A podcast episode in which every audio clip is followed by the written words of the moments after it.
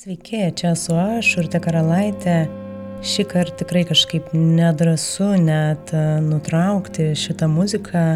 Jis e, visai taikliai, man atrodo, padaro tokia įžanga į mūsų šiandieninį pokalbį, kurį tuo išgirsite. Tikriausiai jau žinote, kad klausot podcast'o Greito gyvenimo lėti pokalbiai.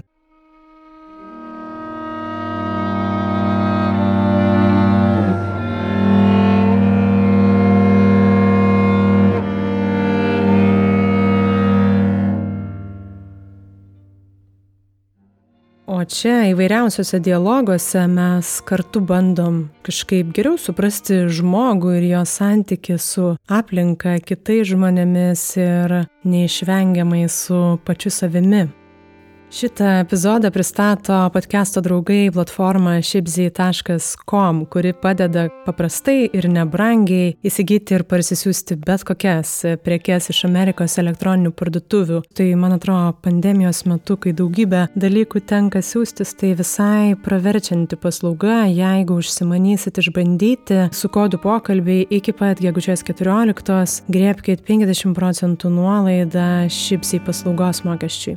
Gal jums kiek keista girdėti tokias žinutės podcast'o įžangoje, bet aš pati labai džiaugiuosi, kad podcast'as vis atranda įvairių partnerysčių, nes tiesa ta, kad tik taip gali tęsti šitie pokalbiai, gimti pokalbių knygų rinkiniai, kaip kad nutiko praėjusiais metais ir tikrai nutiks vėl vykti įvairios netikėtos iniciatyvos. Viena jų skirta palaikyti pandemijos metu suvaržytiems muzikos kuriejams. Turbūt jau pastebėjot, kad kiekviename epizode muzika vis kitokia, Epizoduose pristatau po naują man įdomų Lietuvos muzikos, kurie taip tikiuosi supažindinti ir jūs galbūt su dar netrastais garsais, o tuo pačiu kartu su rėmėjai simboliškai ir prisidedam prie šiuo metu tikrai stipriai apriboto muzikos pasaulio kuriejų.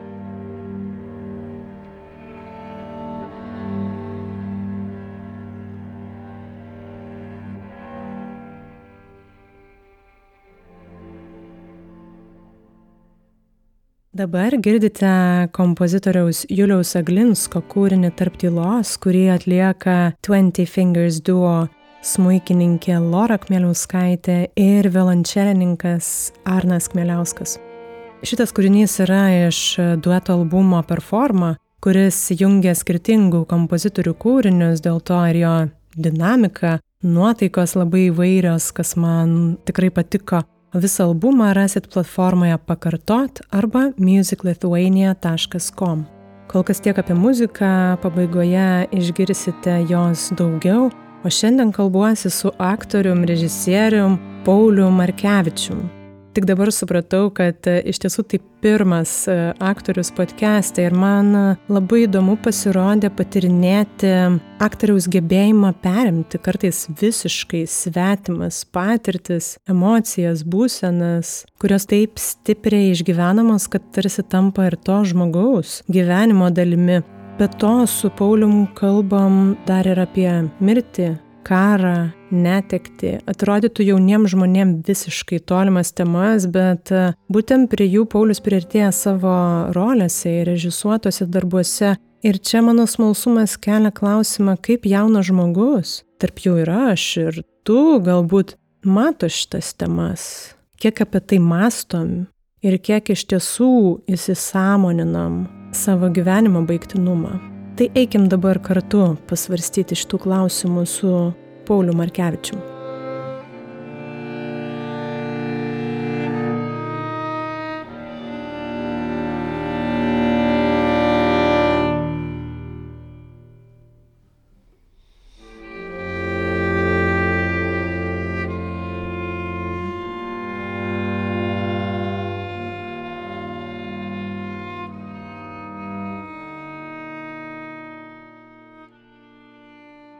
Aš ir nekalbinau nieko iš aktorių dar nei kartą ir man labai įdomus tas momentas yra, kad tai be ne vienintelė profesija, kuri leidžia maksimaliai priartėti emociškai prie visiškai nepažįstamų patirčių.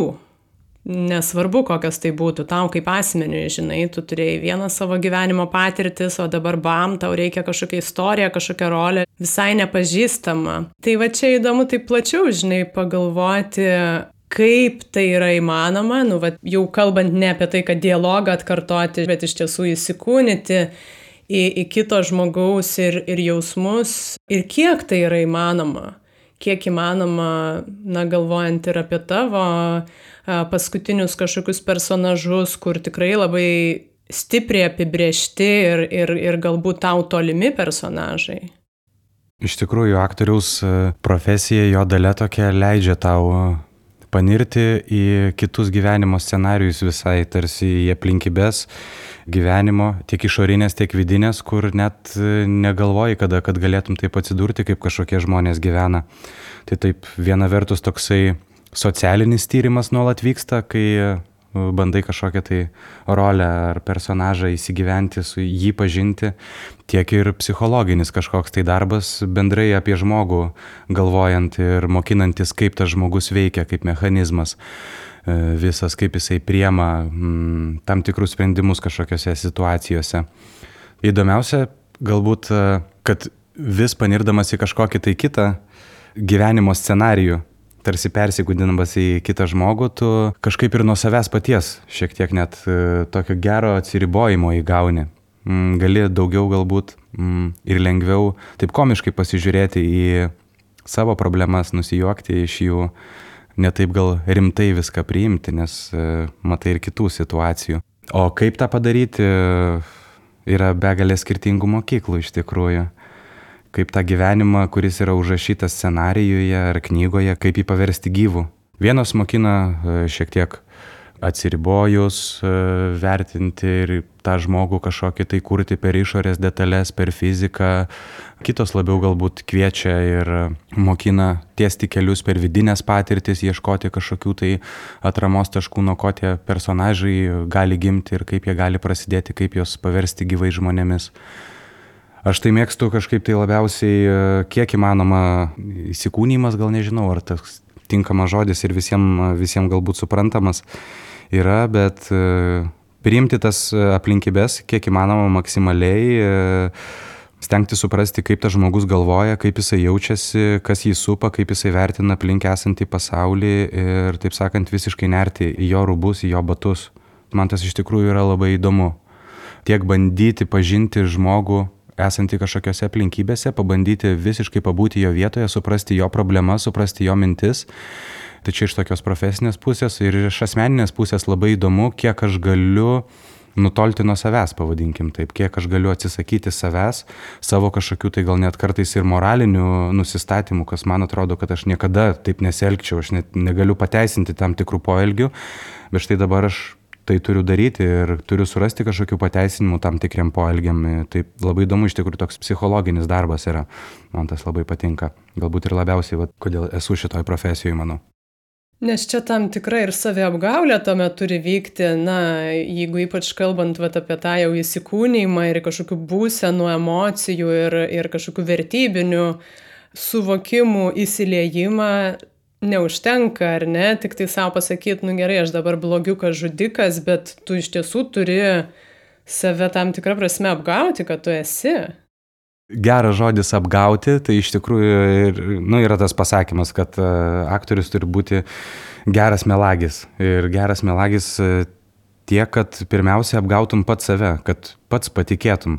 Tai čia ar turi gerai meluoti, ar turi tiesiog uh, patikėti tuo gal tas melas toks asocijuojasi, kad tai kažkoks neigiamas dalykas, tai gal ir nesinorėtų taip, kad čia visa profesija ir visas šitas amatas yra grįstas ant tokio gal e, neigiamo įvaizdžio, tai galbūt aš linkčiau labiau įvardinti tai kaip e, fantaziją ir patikėjimu.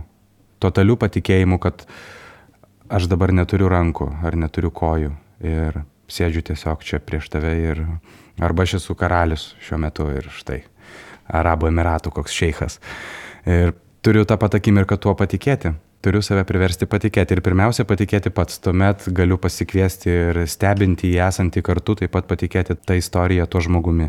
O kažkokiu čia įdomu net gal eksperimentų nėra tau tekę ar, ar bandyti pačiam, kur tu iš tiesų jau tada pasodini save trumpam, na, kalbi, vad, be rankos, be kojas, nežinau, į, į konkrečią rolę, kad, nu, vad, aš dieną praleisiu, nežinau, be rankos. Kad ir taip techniškai įdomu, vad, kiek tai galėtų irgi padėti dar labiau pajusti, na, čia tai fizinis grinai potyris, bet uh, turbūt sunkiausia yra visi, visi tie neapčiuopiamieji būsenos ir emocijos, kurias uh, gal irgi norisi kažkokiu būdu iššaukti pusiau iššaukti yra būtina iš tiesų, kad visa tai veiktų. Gal taip ir prasideda nuo tų paprasčiausių dalykų ir dažniausiai to užduodamo klausimo, kaip jūs išmokstat tiek teksto. Tai iš tikrųjų, tai, tai nuo ten visas darbas savotiškai ir prasideda, bet tai tik tai pirmosios duris, e, kurias tu turi atrakinti ir bandai atrakinti, patekdamas toliau į tą gilų ir sudėtingą žmogaus pažinimo tokį koridorių, kuriame yra begalės durų. Tai viskas taip ir prasideda, tu pradedi mokintis tekstą, o nežinau, aš tai dažniausiai tai darau, jį daug kartų perskaitau ir tuomet e, eidamas kur nors pasivaikščioti tenais ar prie upės, ar tiesiog gatve, tu nuolat tą tekstą tarsi kartoji kaip kokią mantrą taip atmintyje, kartodamas tekstą, studijuoji tas situacijas, kuriuose yra tas žmogus ir tarsi, aha, jis čia atsako taip, kodėl jis taip atsako, vadinasi, jis jaučiasi e, vienaip ar kitaip, ten tarkim, jaučiasi labai prislėgtas ar labai liūdnas.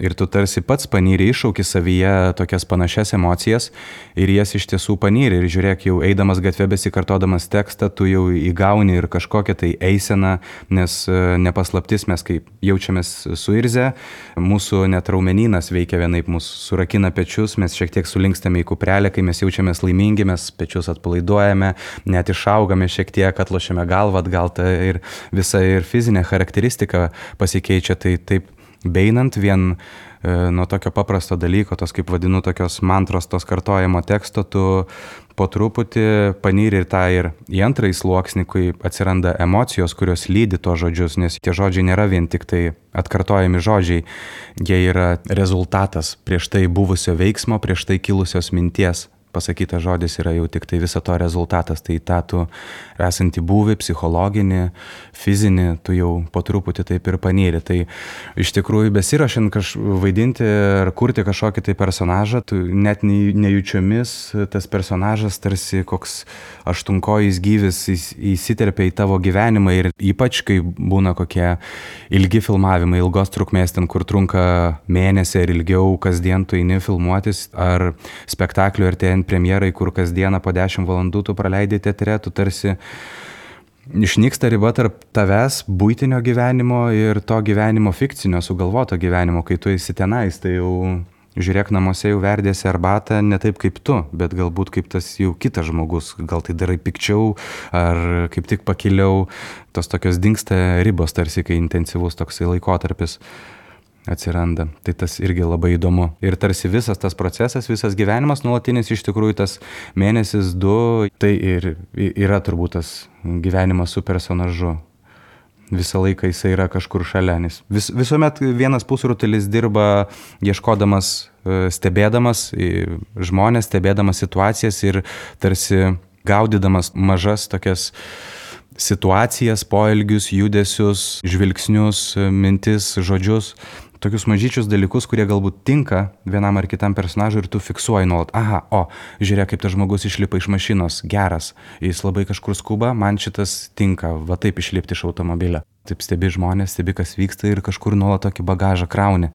Aha, bet tai tokiu atveju čia nėra, ar ne, to laiko po darbo ar atsitraukimo, na jeigu kalbi dabar apie tą intensyvųjį laiką, kai jau vyksmesi ir tada įdomu pagalvoti, žinai, kokios galbūt nebūtinai teigiamos pasiekmes tavo paties gyvenimui, jeigu, na, tai jau į tavo kasdienybę tas personažas įlenda į tavo elgesį, nežinau, bendravimą su kitais. Panašus dalykas, kad tarsi nuolat tam kažkokiam egzaminui tu ruošiesi, bet tai nėra kažkoks gyvenimas įtampoje, kad tu nuolat nervuojasi, pergyveni, dėl to, aišku, po to reikalingas ir toksai visiškas atsiribojimas, e, negali taip iš karto, bent jau aš negaliu, iš karto pradėti tik pabaigus vieną iš karto pulti prie kito, nes tikrai reikia, visas organizmas būna tokiuose gal aukščiausioj tarsi savo visi jungikliai jungti ant aukščiausių pavarų ir tuomet reikia visam mechanizmui gerai pailsėti nuo viso to. Tai po to reikia ir atsigauti iš tikrųjų. Jeigu dirbi nuoširdžiai. Galima daryti ir paprasčiau turbūt, aš nežinau viską.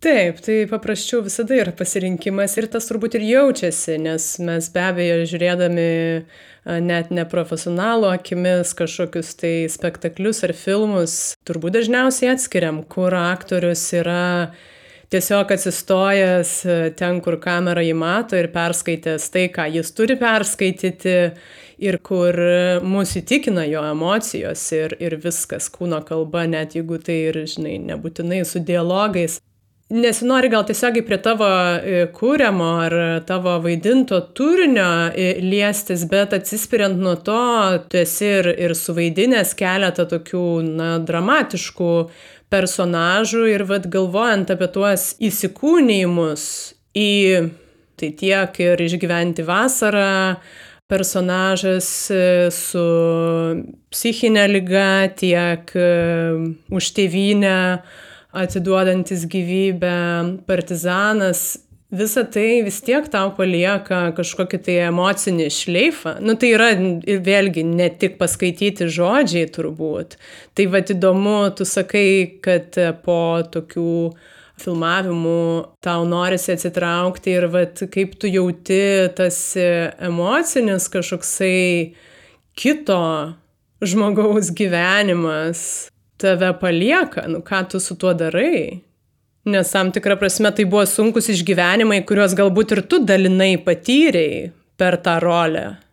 Kai galvoju, kuriant personažą, tai visi tie žmonės e, yra, jeigu mes visi aktoriai dalinai esame, mes visi žmonės tokie patys yra ir visi turim tų pačių dalykų, tik, e, tarkim, nu, kažkokio charakterio savybių, ar būdo bruožo, ar savo troškimo, ar norų, tik pas kiekvieną jie vienaip ar kitaip išsireiškia kažkas daugiau, kažkas mažiau, pas kažką daugiau drąsa, pas kažką daugiau egoizmas, pas kažką daugiau atvirumas, pas kažką daugiau meilė, bet visi tie dalykai yra mumise, tai tarsi kurdamas personažą tu turi atrakinti to žmogaus stipresias savybės, o jos visuomet yra kiekviename mūsų, tai reikia tik ieškoti ir, ir stengtis kiek įmanoma tiksliau jas kažkokias atrakinti, bruožus tos kažkokius. Žinoma, čia nežinau, ką jaučia koks nors sportininkas po olimpinių varžybų, nes niekada ne, ne, nebuvau olimpinėse varžybose, nedalyvau, bet įsivaizduoju, kam tu ruošiesi ilgą laiką ir tos kelios minutės, kad dabar štai, dabar ta akimirka, kada viskas vyksta ir kai tai praeina, iš tikrųjų tuomet aplanko tokia didžiulė tuštuma. Nežinau, ar sportininkam tai vyksta, bet e, ten teko skaityti straipsnių, kad irgi būna sunku po tokių jau kai ta, kam, kažkam tu kam ilgai ruošiesi ir tai praeina ir tame toksai tarpas tarsi tuščia, o kas dabar turėtų vykti. Tai taip ir iš tikrųjų suvaidinus kažką, tai tu dar, tu dar kurį laiką gyveni su to žmogaus mintimis, tu dar galvoji apie jo istoriją, tu apie jį galvoji kaip apie tikrą žmogų, kaip apie kažkokį tai draugą, e, su kuriuo buvai susitikęs ir galbūt dabar jau metas atsisveikinti ir galbūt daugiau niekada nesusitiksit. Toks meditacinis iš tikrųjų laikas, kada kaip ir daugelį dalykų gyvenime tikriausiai yra laikas priimti ir džiaugtis ir yra laikas šiek tiek paliudėti sveikai ir atsisveikinti. Tai manau, va, tas atsisveikinimo laikas yra labai labai svarbus. Čia galvojant tiek apie su personažu tas toks atsisveikinimas turi vykti, kažkas panašaus įvyksta, kaip ir turbūt netenkame žmogaus kažkokio tai artimo, artimo netektis gyvenime, tai lygiai taip pat mes atsisveikiname su kažkuo ir tą padaryti, aš manau, yra labai svarbu, kad nesinešti tokios e, dar šleifo bangos, nepadėto taško tarsi toliau į priekį su savimi. Turi psichologiškai kažkaip tai pasakyti jam sudė ir kad buvo smagu praleisti laiką kartu, padėkoju jam, kad leido, leido man pažinti jį ir, ir tada keliauji toliau. Dabar tu palėtėjai tą temą, kur ir aš norėjau nuklysti, netekti ir mirti konkrečiau. E, kažkaip įdomu, kad e, podcast'o pokalbiai taip labai organiškai persidengia ir vat, e, paskutinis pokalbis buvo su psichoterapeutu egzistencializmo būtent krypties Rimantu Kočiūnu. Ir kažkaip nuo to atsispyrus aš galvau, na, elementari mintis, kad be abejo suvokiant savo laiko šitoje žemėje ribotumą, gyvenimo baigtinumą, kitaip jisai pradedamas vertinti, čia nieko naujo ar ne, visi tą žinom, Bet, e, bet čia man yra įdomu, žinai, kad žinojimo ligmenyje mes tą žinom, bet e, įsisamoninimo kasdienybėje klausimas, žinai, kiek to yra ir čia aš vėl kažkaip galvoju apie jaunus žmonės, mes turbūt irgi dar ten.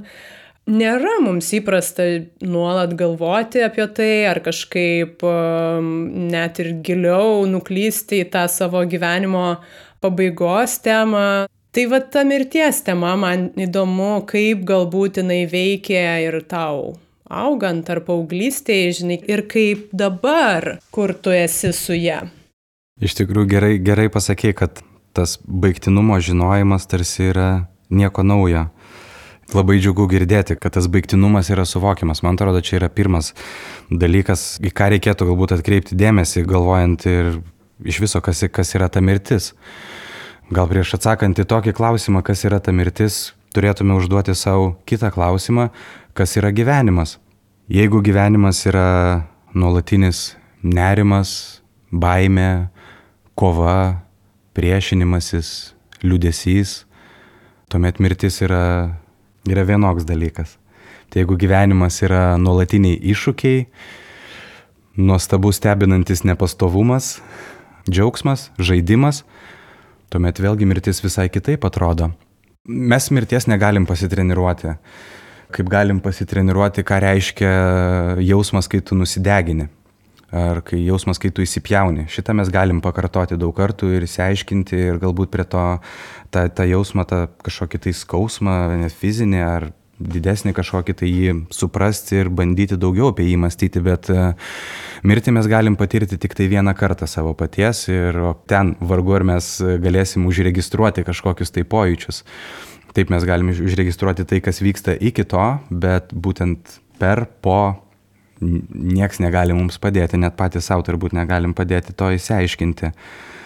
Mirties patyrimas tarsi yra tokia treniruotė, kai netenkame e, savo kažkokio ar šeimos nario, ar artimo žmogaus, per kiekvieną netikti mes tarsi treniruojamės, kaip priimti tą mirtį, bet tai vėlgi mes treniruojamės ne pačią mirtį, mes treniruojamės netikti, netikti ir liūdėsi. Galbūt tas toksai apsunkina dalykas, kad mirtis yra e, retas dalykas ir nedažnai jinai pasitaiko, o kai pasitaiko, tai jinai yra labai didelė savo sukeliamomis emocijomis mums. Tai galbūt šiek tiek ir atsargiai ir su tokia baime kyla toksai požiūris vien dėl to, kad jinai yra Tiesiog ne, nepažinus dalykas. Vėlgi ta pati mirtis, kokia jinai gali būti. Ta mirtis, aš dabar galvoju, tikriausiai taip pat labai dviejopai kyla dabar mintis mirtis. Gali būti ta mirtis, kai nutrūksta ta, ta mūsų žemiškoji kelionė. Tiesiog, nežinau, ar mes užmiegame, ar ką mes tuo metu darome, bet netenkame šitos žemiškos patirties, bet mirtis gali būti ir dar mums esant gyviems, aš manau. Yra tekę matyti žmonių ir net pačiam būti tokioje situacijoje, kai dar kvepuoji, dar širdis plaka, akis mirksi, bet tarsi esi užmiršęs kažkokius pamatinius dalykus, kaip tu esi ir dėl ko tu esi gyvas. Tarsi užmiršti kažkokią tai gyvenimo, tą, vad kaip tu sakai, pradžios ir baigtinumo suvokimą. Tu pradedi galvoti, per daug rimtai apie šitą žaidimą, man atrodo, ir užsimiršti, kad jisai turi pabaigą. Tu prisiriši tuomet prie kažkokių materialių dalykų, prisiriši prie savo kūrimų fantazijų, tomis fantazijomis patiki kaip kokią realybę ir tuomet tikrąją realybę priimi ją kaip fantaziją, susimaišo pasaulį ir tuomet, nors, vad sakau, dar širdis plaka ir plaučiai kvepuoja, bet jau tarsi esi numiręs. Toksai man kažkoks tai įvaizdis, nes ir, sakau, ir pats tarsi esu buvęs tokioj situacijoj ir matau žmonių iš tikrųjų, iš kurių kažkodėl dingęs yra džiaugsmas gyvenimo, e, nes problemos tokios didžiulės ir tokios slegiančios. Taip, tų problemų yra, tų problemų yra, gyvenimas jų pats iš savęs tarsi yra prigimtinė problema. Gimę čia nais mes esame neatsiejami nuo nuolatinės kančios, man atrodo, nuolatinės kančios rūpintis rūpintis, kad mums šalta, mums reikia susirasti kažkaip tai, kad būtų šilta. Mums reikia rūpintis e, valgiu, kad turėtume energijos. Mums reikia rūpintis vieta, kur galime ramiai praleisti naktį ir permiegoti. mums reikia rūpintis vieta, kur galėtume pasislėpti nuo šalčio, nuo lietaus ir taip toliau ir taip toliau. Ką jau kalbėti, kai prireikia naujo telefono, geresnės e, mašinos, e, naujų batų. Tai yra nuolatiniai rūpešiai. Ir kuo daugiau mums reikia, tuo daugiau tų rūpešių ir yra. Tai man atrodo, pirmiausia, gal reikia susitaikyti su tą lemtim, kad uh, užgimę čia mes esam neatsiejami nuo rūpešių ir kančios. Ir kuo greičiau tai priimsime, tuo tie rūpešiai ir kančia taps džiaugsmingesni. Ir tuomet galbūt kitaip ir pradėsime žiūrėti ir vertinti į tą pabaigą, nes jinai yra neatsiejama nuo viso šito žaidimo cikliškumo. Taip kaip tu minėjai, ta yra į pradžią, visame kame, visame kame yra ir pabaiga kaip tą pabaigą išmokti tik tai vertinti ir kaip ją išmokti priimti. Su daiktais išmokti to daug lengviau, su žmogum e, netekti žmogaus šitą pamoką išmokti yra labai sunku, gal vien dėl to, kad, kad jinai yra reta, bet su tuo reikia susidraugauti. Iš tikrųjų turėjau labai įdomių kalnelių, kas galbūt susiję buvo su kūrybiniais visokiais ieškojimais, kur tikrai uh, buvo kuriami sudėtingi personažai, kurie laviravo tarp tok, ant tokios išlikimo ribos, kur arba patys rinkosi pasitraukimą iš šio gyvenimo, arba išgyveno sunkes netektis labai artimųjų, draugų, uh, bičiulių kur ta mirtis labai labai smarkiai juos įsirėžė ir kaip taip nuolat su jais gyvendamas kažkaip tą mirties tą tokį įvaizdį vis pergyveni, pergyveni, pergyveni, bet šiuo metu jaučiuosi iš tikrųjų su ją gan taip susidraugavęs. Manau, man labiausiai padėjo mokėjimas būti vienam. Ta vienatvė galbūt irgi toks žodis, kai pradžioj pokalbė mūsų kalbėjom apie aktorystę kaip įsivaizdavimą kaip melą, kur turi tokį neigiamą tarsi įvaizdį. Tai čia ta vienatvė dažnai irgi atrodo, eh vienatvė, toks liūdnas kaip o neigiamas dalykas. Bet ir galbūt reikėtų pabandyti pasižiūrėti į tą vienatvę kaip į labai teigiamą dalyką. Nes jis juk yra mūsų prigimtinis. Mes gimstame vieni, kažkada ir numirsime vieni. Manau, labai svarbu yra išmokti būti vienam pilnatvėje, būti su savim. Iš pradžių gal daug kalbėti su savim, paskui ir tie pokalbiai kažkaip nustoja e, vystytis ir tada tiesiog toksai buvimas po truputį išauga toks gan pilnavertiškas. Ir tave buvime vienumoje, tu atsiriboji nuo įvairių prisirišimų ir įvairių norų. Ir tai, manau, yra labai svarbu, galvojant būtent apie mirtį. Nes galbūt mirties bijome todėl, nes tada pasibaigs visi mūsų santykiai e, su išoriniu pasauliu e, su žmonėmis, su daiktais, su savo turtu, su savo, mm, na, viskuo, kas mus supa išorėje. Mes prarasime visus kontaktus. Tai treniruotis, man atrodo, geriausia vienatvėje. Kokybiškai tokios treniruotės gali vykti, jeigu leisime savo atsipalaiduoti ir suprasti, kad viskas vyksta savaime, kuo mažiau imsime priešintis visam vyksmui, kuris teka ir kurio dalimi mes esame, tuo lengviau viską priimsime, e, suvokdami, kad e, visa kyla iš, e, iš kažkokio vieno šaltinio. Na, jeigu taip paprastai kalbant, man atrodo, kad visa kyla iš to šaltinio, kuris vadinasi meilė. Ir jeigu mes pamilsime pasaulį esantį mūsų išorėje aplink mus ir jį priimsime, nesipriešinsim jam, pamilsim patį save, tuomet uh, bus daug mažiau baimė, aš manau, daug mažiau nepasitikėjimo, nerimo ir būtent noro priešintis tai gyvenimo sroviai, prieš kurią plaukti mes esam tiesiog bejėgiai. Tai čia labai gražiai tu ir įvardinė, prieš tai aš net ir nestabdžiau tavęs ir apie tą gyvenimo suvokimą, žinai, galima matyti kaip, kaip nuolatinę kančią ir problemų ryšulį, bet galiausiai nu, vat, mes pasirenkam, kaip tą matyti, kokiais sakiniais čia žiūrėti į aplinką ir kaip tą išnaudoti. Iš kitos pusės, čia turbūt ir evoliuciškai žmogus, žinai, ateina į šitą pasaulį su tikslu išgyventi. Tai ta mirties baime, na, kad jinai turbūt yra visiškai įrašyta, nu, tai yra faktas. Mes turime bijoti jos, kad, kad galėtume save, žinai, apginti, išmaitinti ir taip toliau, taip toliau. Tik tai čia jau turbūt, vad, individualu, kaip žmogus prieina prie to, ar jisai paranoiškai kiekvieną dieną bijo ir tai sukelia begalybę įtampos ir ypatingai dabar galvojant ir apie pandemiją ir viruso grėsmę ir čia gal norisi truputį dar nuklysti į kitą aspektą irgi šitos temos. Tai tavo režisuotas spektaklis Miražas yra apie iš karo grįžusius karo veteranus bendrai konteksto iš mano pasiruošimų šitam pokalbiui man labai įdomu buvo, kad aš norėjau su tavimi vat, paliesti šitas karo mirties temas ir, ir man neslėpsiu, kilo tokia mintis, nu tai palatai, kodėl aš čia vat, apie šitos dalykus kalbėsiu dabar su, su jaunu žmogumi, žinai, kur atrodytų stereotipiškai, kad, na tai karo nematęs, ką tu čia supranti. Galvojant apie tai, dar labiau norėjosi ir su tavim pakalbėti, būtent apie tokių temų lietimą su žmonėmis, kurie neprisilietė prie šitų patirčių ir neprisilies, žinai, nu tai ir jauni žmonės aplink mus, ir paaugliai, kurie visiškai nesuvokia to, bet e, kalbėti apie tai, nu kažkaip labai reikia.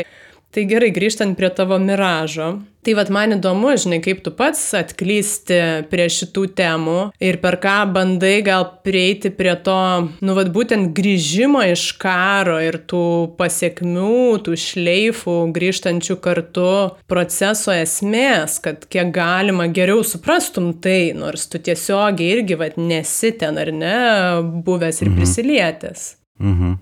Bendrai galvojant, kad apie to pačios temos pasirinkimą, statyti spektaklį ir kalbėti apie karą ir karo padarinius, galvoju, kad blogų dalykų kaip ir nevyksta iš tikrųjų pasaulyje. Yra tik tai patirtis, kurios mus moko, moko atskirti, kas skauda, kas neskauda, kas teikia džiaugsmą, kas teikia liūdėsi. Ir man atrodo, svarbu kalbėti ir apie tokias patirtis, kurios sukelia beprotiškai daug e, skausmo, traumų, po kurių net žmonės arba negali gyventi, arba nebegyvena netgi, įdant, e, kad tokios patirtis nesikartotų. Ir norėjosi kalbėti apie tokias patirtis, ką reiškia išgyventi karą, vien tik tai iš didžiulio noro, kad tas karas nepasikartotų. Nes apie tą mirtį galvojant, kad mirties nebijau, bet bijau kančios. Ir labiausiai bijau kančios matyti kaip kažkoks artimas žmogus ar tiesiog žmogus kenčia. Nu, šitas dalykas yra labai labai sunkiai pakeliamas. Taip, norisi, kad kažkaip tos kančios kuo mažiau būtų. Gali rinktis e, tą kančią mažinti arba rodydamas gerus pavyzdžius, arba rodydamas blogus pavyzdžius, kad jie nepasikartotų. Tai čia tas antrasis variantas. O kaip tas pats miražas atsirado, tai visai netyčiomis atradau memoarų knygą Zigmo Stankaus, kuris buvo išvežtas, pavadinkim, sovietų laikais, kaip daugelis e, jaunuolių tiesiog į karą, kuris buvo niekam nereikalingas, vykstantis Afganistane, kur sovietų armija bandė užokupuoti laisvą šalį. Tai tenais tiesiog vaikinai baigė mokyklą, kažkur tai Lietuvoje buvo prinkti uniformomis, duoti automatai ir išvažiavo kariauti po 18-19 metų, tokie visai, visai jauni vaikinai. Visa ta knyga parašyta iš tikrųjų tokia labai paprasta būtinė net gatvės stiliaus kalba, todėl iš karto patraukė mane tas pasakojimas, kur atrodo, skaitau tą knygą ir tarsi kalbuosi su savo kažkokiu mm, geru draugu. Viskas taip atvirai, taip paprastai, su daug kiksmažodžių, viskas suprantamai, visos tos patirtis, be jokios didelės literatūros. E, išgyvenimai, kurie ten yra aprašomi, tiesiog kartais sunkiai suvokiami, kokius kraštutinumus tu turi tenais išgyventi, humanizmo kažkokio tai nulis, ar nuolatinės netektis, žiaurumai labai labai stipriai sukrečia. Tai yra labai stipri istorija, kaip paprastas žmogus iš gatvės yra pasiunčiamas į karo pirmasis linijas ir su kokiais išgyvenimais jisai grįžta ir kaip jisai toliau turi gyventi tą paprastą civilį gyvenimą, nors ir praeina 10-20 metų po to karo tarsi, bet karo kulkos zvimbiančios jos nuolat tave persiekė ir mums pasisekė kažkaip kuriant šį spektaklį susitikti su veteranais kurie yra išgyvenę tiek Klaipėdoje, tiek Vilniuje, yra Afganistano karo veteranų grupės, kur žmonės susitinka, bendrauja, leidžia kartu laiką. Tai buvo labai įdomu susitikti su, su jais, bendrai pasikalbėti, pa, pabūti su jais, pasižiūrėti, kaip jie jaučiasi ir iš tikrųjų viskas yra fainai su jais, labai smagu buvo pabendrauti. Aišku, visokių tų žmonių yra. Yra tokių, kurie dar vis nors ten 30 metų po karo dar to praėjo, bet e, dar vis ten savo medalius blizgina ir dar vis po šiai dienai atrodo kariauja. Tokie į susitikimą kažkodėl netėjo, apie juos tik tai girdėjome. O kur susitikom, tai žmonės puikiai gyvena civilinį gyvenimą ir nors kaip įsileidžia giliau į tuos prisiminimus, aišku, matai, kad jie dar gyvi, nors ir sakau, to, to laiko labai daug po karo praėjo. Pačiam spektaklyje man buvo įdomiausia viena linija, netektis, kas arčiausiai mirties yra, nes e, ten personažai nors ir kažkokie miršta, bet e, man įdomiausia buvo, ką reiškia netekti draugo. Nes ten būnant kare, tu panyri tokias aplinkybės, kiek aš pats nebuvęs, bet tik tai men mentaliai taip išgyvenęs kartu su aktoriais ir veteranais. Į kraštutinės aplinkybės papuolė su žmogum ir taip suartėjai, kur aš nežinau per kiek metų paprastam civiliniam gyvenime tu taip suartėjai į tokį bendrą sąryšį, kur tu kartu su žmogum išgyveni, nu, kaip sako, jis suvalgyti pūdą druskos. Tai čia ne tai, kad pūdą druskos suvalgyti, bet nežinau, tonom tą druską srėpti ir kraštutinius tos gyven, išgyvenimus patirti, kur tu esi vienas su kitu jau sulipęs tarsi į vieną kažkokį asmenį ir tarsi tuomet netenki savo dalies kažkokios, kai netenki to žmogaus ir ką reiškia išgyventi va tokią netekti. Tai nuo tokios smulkaus siūlo, ką reiškia išgyventi draugo netekti, ant jos pradėjo lipdytis ir daugiau, ką reiškia sugrįžti, kaip tai užmiršti, kaip su tuo sugyventi, ar tai įmanoma išgyventi ir gyventi toliau. Pati sistema tiesiog, kaip jinai priema žmonės, nes čia irgi labai svarbus aspektas, kai sugrįžusius iš Afganistano karo, tos kareivius pasikeitė ir visa sistema čia nais, griuvo Sovietų sąjunga,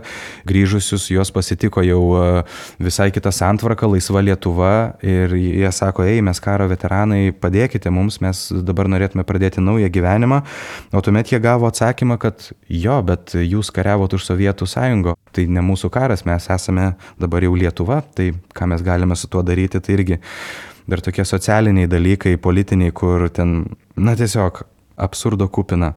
Jo, užsimašiau apie tos politinius dalykus ir uh, užmiršau tai, kas mums svarbiausia. tai viskas svarbu. Čia įdomu, nu, vat, per tą tyrinėjimą šitos temos, nors ir, na, kaip ir tu sakai, nu, pačiam uh, neįbridus tiesiogiai, bet uh, įsikūnijant į tas istorijas, kaip keičiasi ir tavo paties, uh, kaip Pauliaus, uh, santykis ir su tuo karu, ir, na, va, ir po susitikimų su veteranais. Čia man norisi gal dar paliesti ir tą, tu ir esi minėjęs, kad ir į karo akademiją kažkadaise svajoja įstoti, bet aš ir pati esu nemažai sutikusių ir paauglystės laikais, ir amerikiečių, ir britų, kareivių, kurie labai romantizuoja tą herojišką tokį drąsaus, stipraus vyro ampluo. Tai vad įdomu taip irgi retrospektyviai pažiūrėti, žinai, kaip tu iš savo prizmės tą matai dabar jau prisiliesdamas prie šitų temų iš arčiau. Teko daug žiūrėti dokumentikos visokios ir apie šio laikinius karus, kurie dabar vyksta vidurio rytuose, artimuosiuose rytuose kur ten ir patys kareiviai e, vykstantis e, filmuoja, kaip viskas vyksta ir įdomu stebėti tas permainas, va iš tikrųjų, kaip paminėjai tos tokius idealizuotus įvaizdžius, to muskulizmo tokio ir jėgos, kaip ten viskas griūva, kai tu pamatai mirti, pamatai kraują, pamatai šalia į tavo kovos draugą smingančią kulką, kažkokią gestančią gyvybę, ten viskas griūva ten viskas apsiverčia aukštyn kojomis, tarsi tu prisižiūrėjęs filmų apie karą, prisiskaitęs knygų, gali tai įsivaizduoti vienaip ir ten jau vos ne prie TV ekrano pats tampi herojum, čia pat gali leistis į džiunglės ir ten blogiukus gainioti. Bet kai tai vyksta šalia tavęs, na tiesiog, sakau, tos dokumentinius dabar filmus prisimenu, kur ten tiesiog vyrai didžiuliai, du metrai tokie, kur tikrai jau kaip spintos vadinami tokie, žinai, visai smogikai, kurie jau tenais treniruojasi to daryti, kur tiesiog verkia iki negalėjimo, kalbėdami apie tai. Na tai tikrai tokie didžiuliai, didžiuliai išbandymai vyksta. O dar prisimenant tą darbą per miražą, kai statėme tą spektaklį, iš tikrųjų atsirado vertinimas labai labai paprastų žmogiškų dalykų.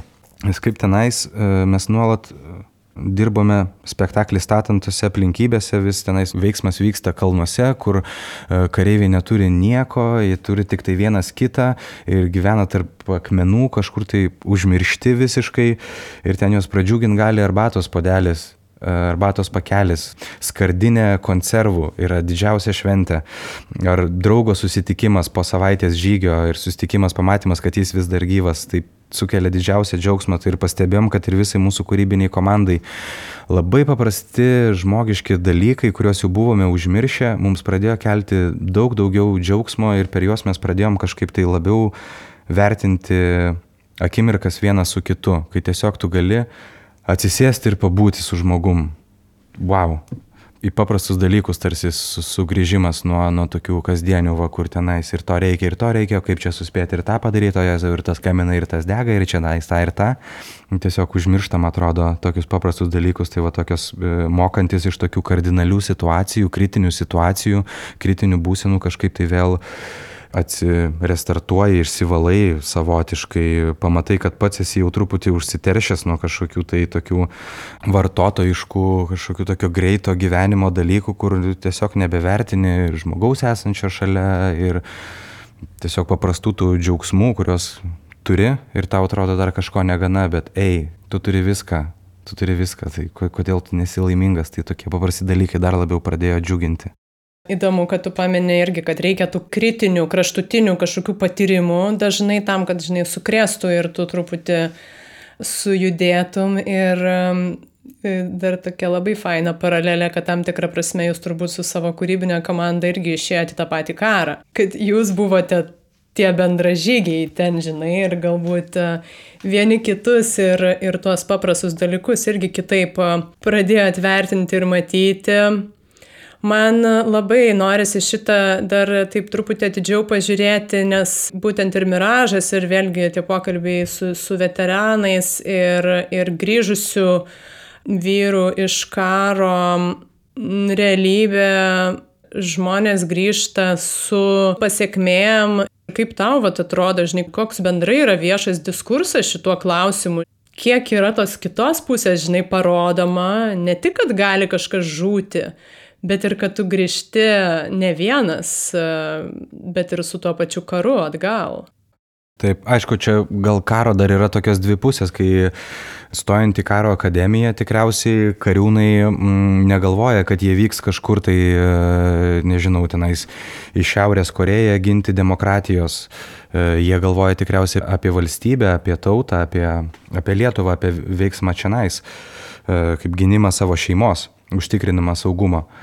Mm, bet kai karas vyksta visiškai kitam pasaulio gale, neaišku už ką, neaišku prieš ką, kur tu esi tiesiog, net nerandu žodžių tam įvardinti, bet tiesiog tu esi įmestas į, į tokį be, beprasmišką kažkokią tai kovą, tarsi niekam nereikalinga, tai čia toks kitas karas iš tikrųjų.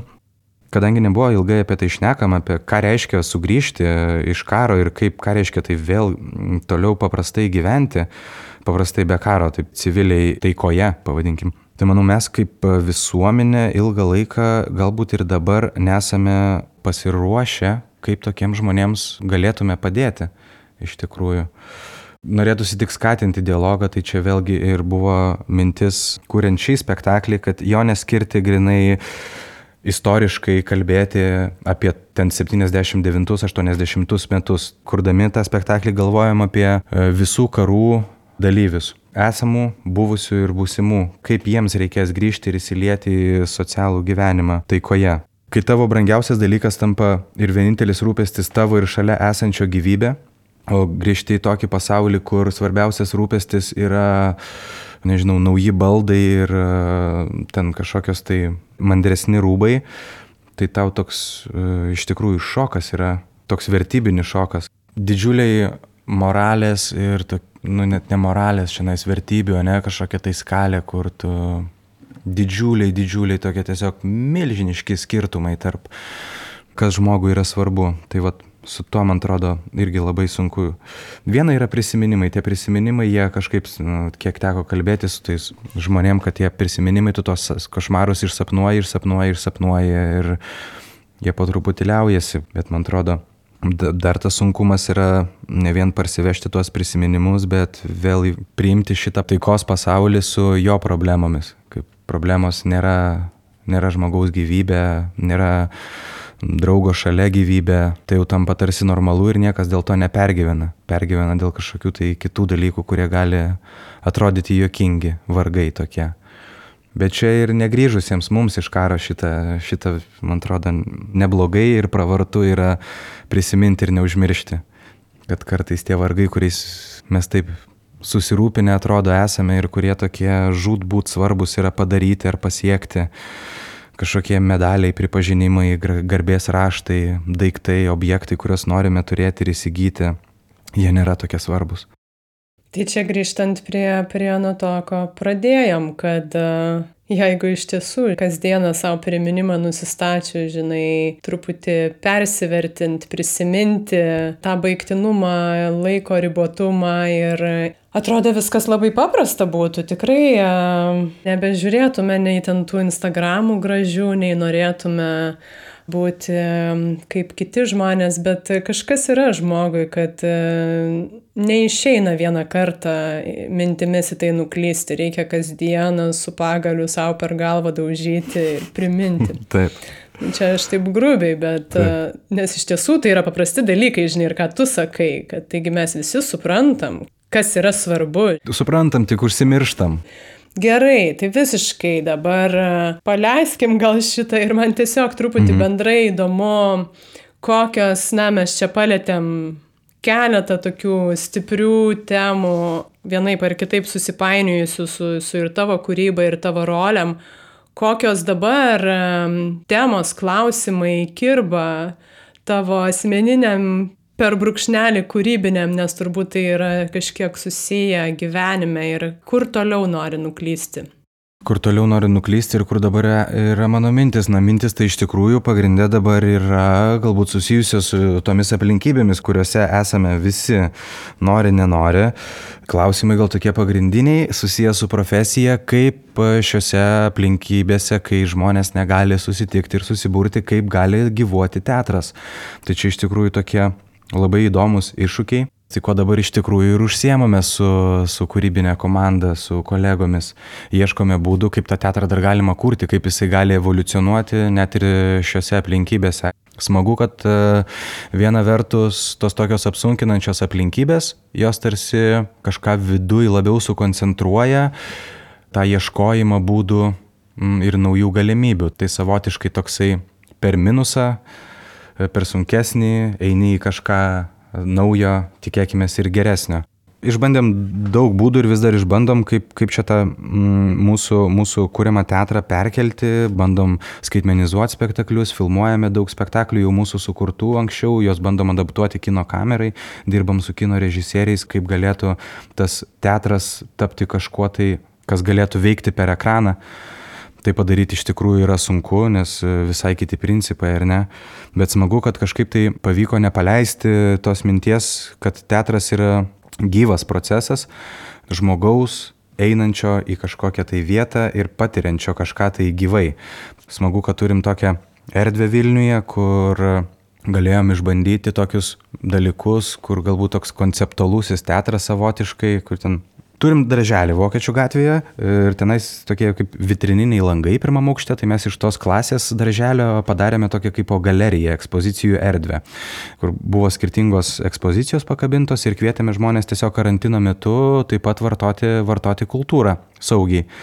Tai galvoju, tai ar, ar ne teatras, taip pat? Tu išsiroši su draugu arba vienas, skiri kažkokį vakarą, tu uniesi batus, koncentruoji save, kad eisi kažką tai patirti na, eini į kažkokią tai vietą, per langą pasižiūri kokį nors judantį, grojantį objektą, jau kažką galvoji, jau kažkokių minčių pasisėmi, tai tas irgi teatras, tai smagu, kad teatras toks dabar, vad sakau, naujų, naujų formų, kažkokių tai naujų apraiškų įgauna ir svarbiausia, kad jisai nepersikelia tik tai į interneto tą tabą naują atidarytą šalia elektroninio pašto.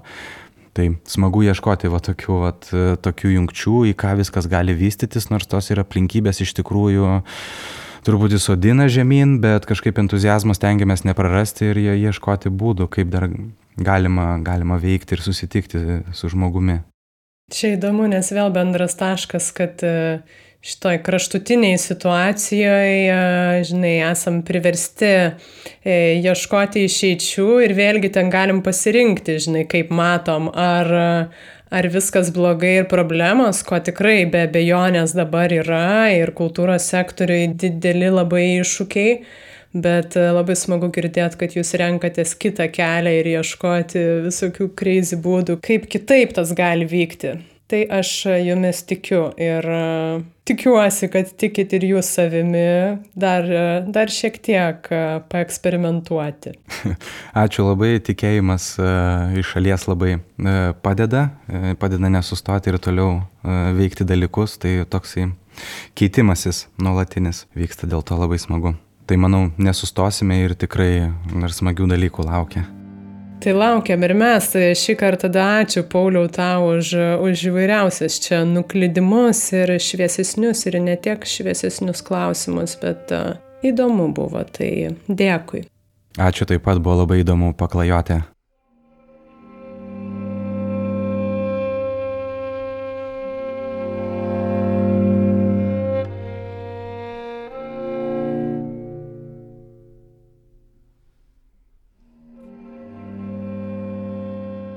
Ačiū, kad leidot savo kartu su mumis paklaidžioti šitose įvairiose temose. Gal išmintingi senoliai dabar linguoja galvas ir sako, oi, ką čia tie vaikeliai vapa. Ir teisingai sako, bet tuo pačiu suprantu, kad mūsų mintis negali automatiškai užgimti brandžios ir išmintingos, bet apie tai kalbėti ir mąstyti, man atrodo, tikrai reikia. Bent jau man norisi, dėl to labai džiaugiuosi šito pokalbiu ir iš jo išsinešu Pauliaus mintį apie tą gyvą mirusių žmogų, nes gyventi tikrai nėra tik kvepuoti, tai yra daug daugiau būti gyvų ir čia jau kiekvienas kitaip savo atsakysim, ką tai mums reiškia. Tai tikiuosi, kad šitas pokalbis galbūt taps kažkokiu mažu pagrindu pakeliui į tuos apmąstymus. Nepamirškim, kad šituos vis giliau neriančius pokalbius mums dovanoja podcastų draugai ir rėmėjai, tarp kurių daugybė ir jūsų yra prisidedančių Patreon platformoje.